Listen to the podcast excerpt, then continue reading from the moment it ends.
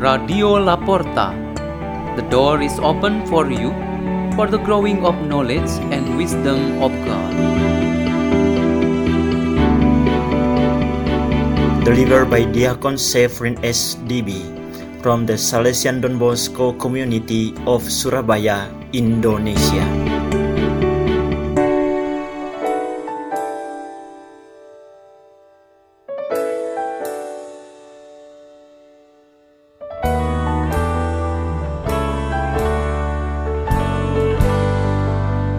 Reading and meditation on the Word of God on Monday of the seventh week of Easter, May 22nd, 2023.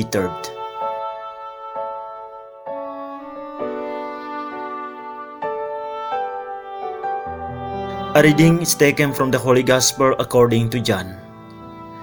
The disciples said to Jesus, Now you are talking plainly and not in any figure of speech. Now we realize that you know everything and that you do not need to have anyone question you. Because of this, we believe that you came from God. Jesus answered them, Do you believe now? Behold, the hour is coming and has arrived, when each of you will be scattered to his own home, and you will leave me alone. But I am not alone, because the Father is with me.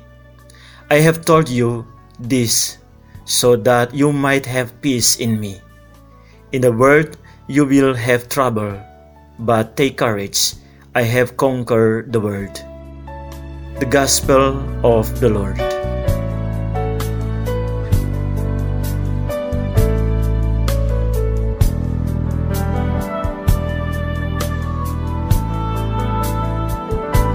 The theme for our meditation today is The Holy Spirit helps us to carry the cross.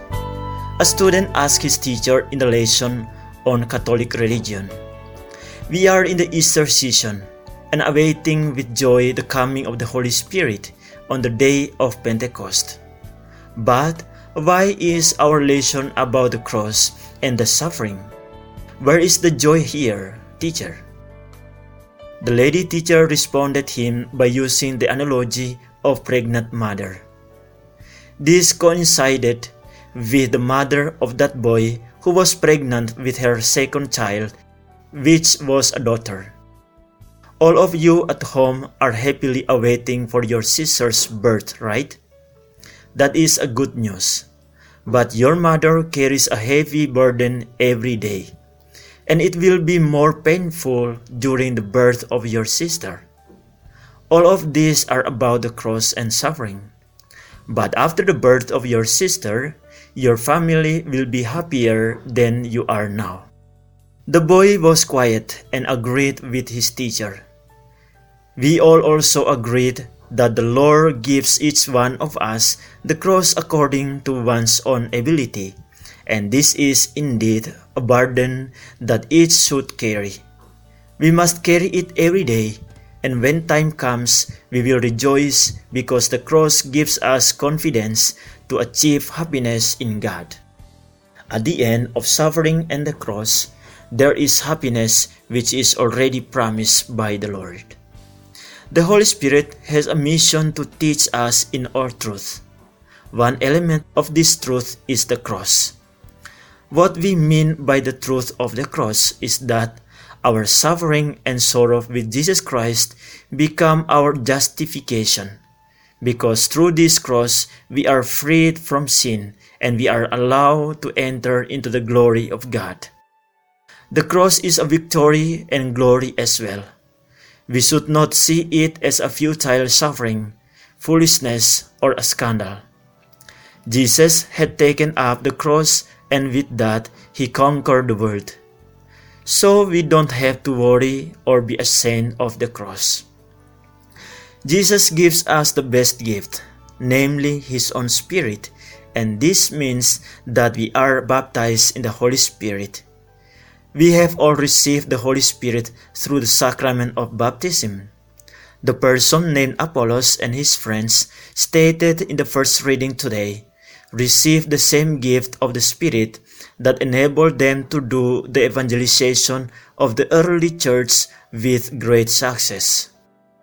This spirit feel experience then followed by the laying on the hands of the signify the reception of the sacrament of confirmation that makes a person fully anointed with Holy Spirit.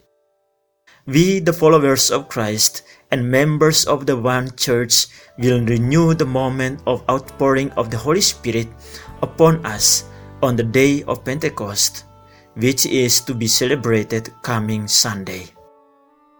The Holy Spirit indeed makes us able to face many obstacles and difficulties already awaiting for us. The Holy Spirit is present with us and always accompanies us as we each carry our own cross. It is the same Holy Spirit who remains with us in all our joy and success.